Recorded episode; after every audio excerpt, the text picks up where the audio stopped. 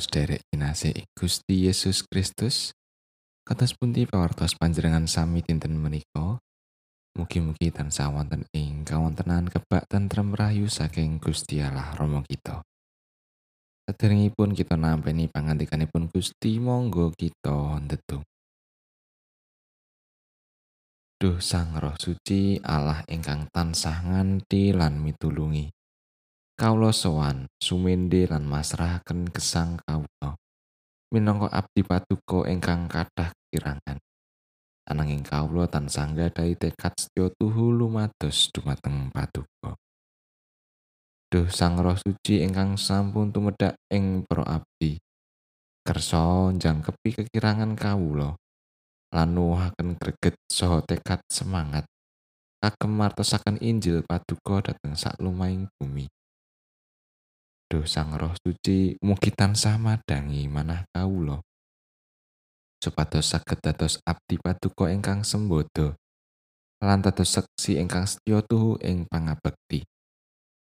Toyo pandungo lan payunan kawula menika. Kawula njuaken lambaran asma dalem Gusti Yesus Kristus ingkang sampun seto nebus dosa kawula.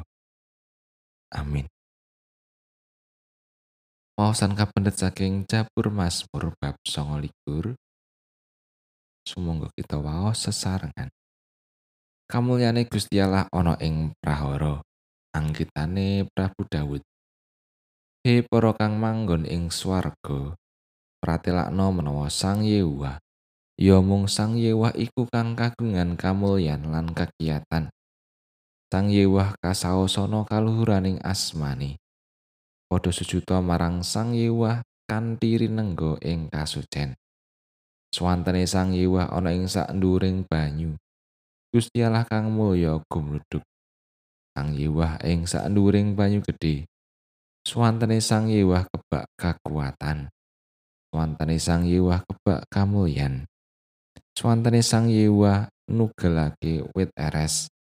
Malah wit eres ing Libanon padha dirubuhake dening Sang Yewah. Panjenengane andadosake gunung Libanon mlumpat-mlumpat kaya pedet, lan gunung Sirion kaya pedeting banteng. Swantane Sang Yewah nyemburake geni mulat-mulat. Swantane Sang Yewah ngorekake pasamunan. Sang Yewah ngorekake ororo samun kadeshi. Swantane Sang Yewah jalari menjangan meteng podo mana, Malah jalari alas-alas podo gundul.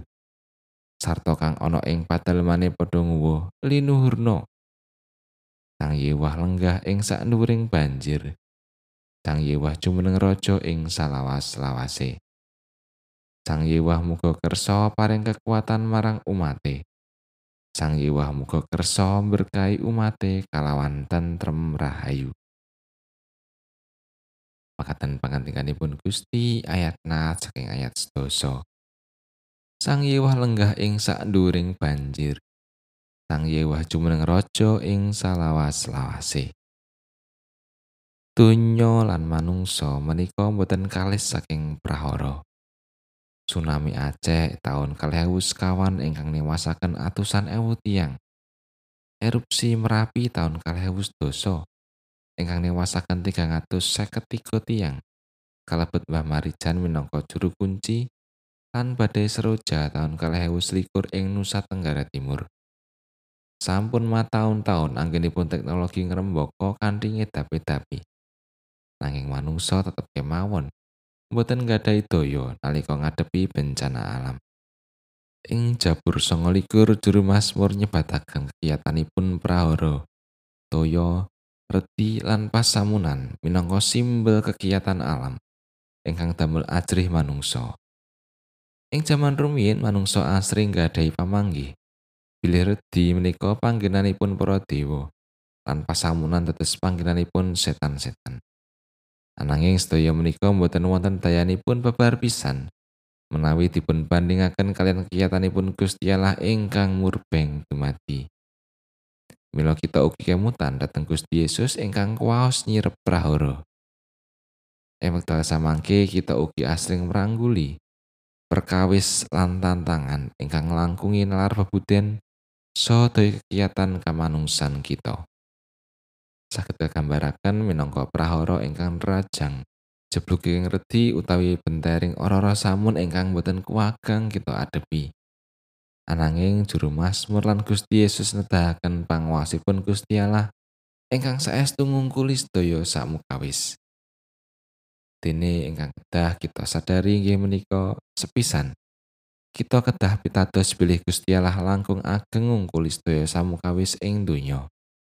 Kaping kalih kita nggadahi pangajeng-ajeng dhateng pitulunganipun Gusti Allah ingkang resnani kita. Namung kanthi nunggil kalian Gusti Allah, kita mboten namung kuwaga ngadepi, nanging ugi ngrampungi lan nelokaken praharaning gesang. Mila sumangga kanthi mantep nglampahi gesang lan budidaya ngadepi saha ngrampungi sedaya perkawis gesang linandesan kapitadosan bilih Gusti Allah ingkang Maha Kuwaos. tamtu kersa mitulungi kita. Amin. Naliko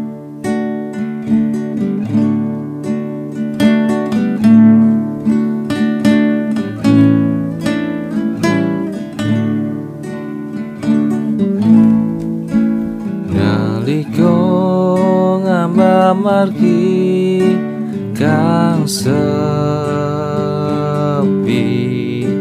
Kiris uas mana kulo? Sampuni larga ulo dugus Mukitan sang amping-ampingi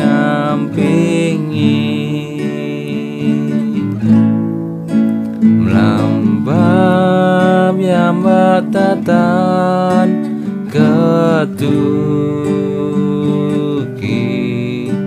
Gusti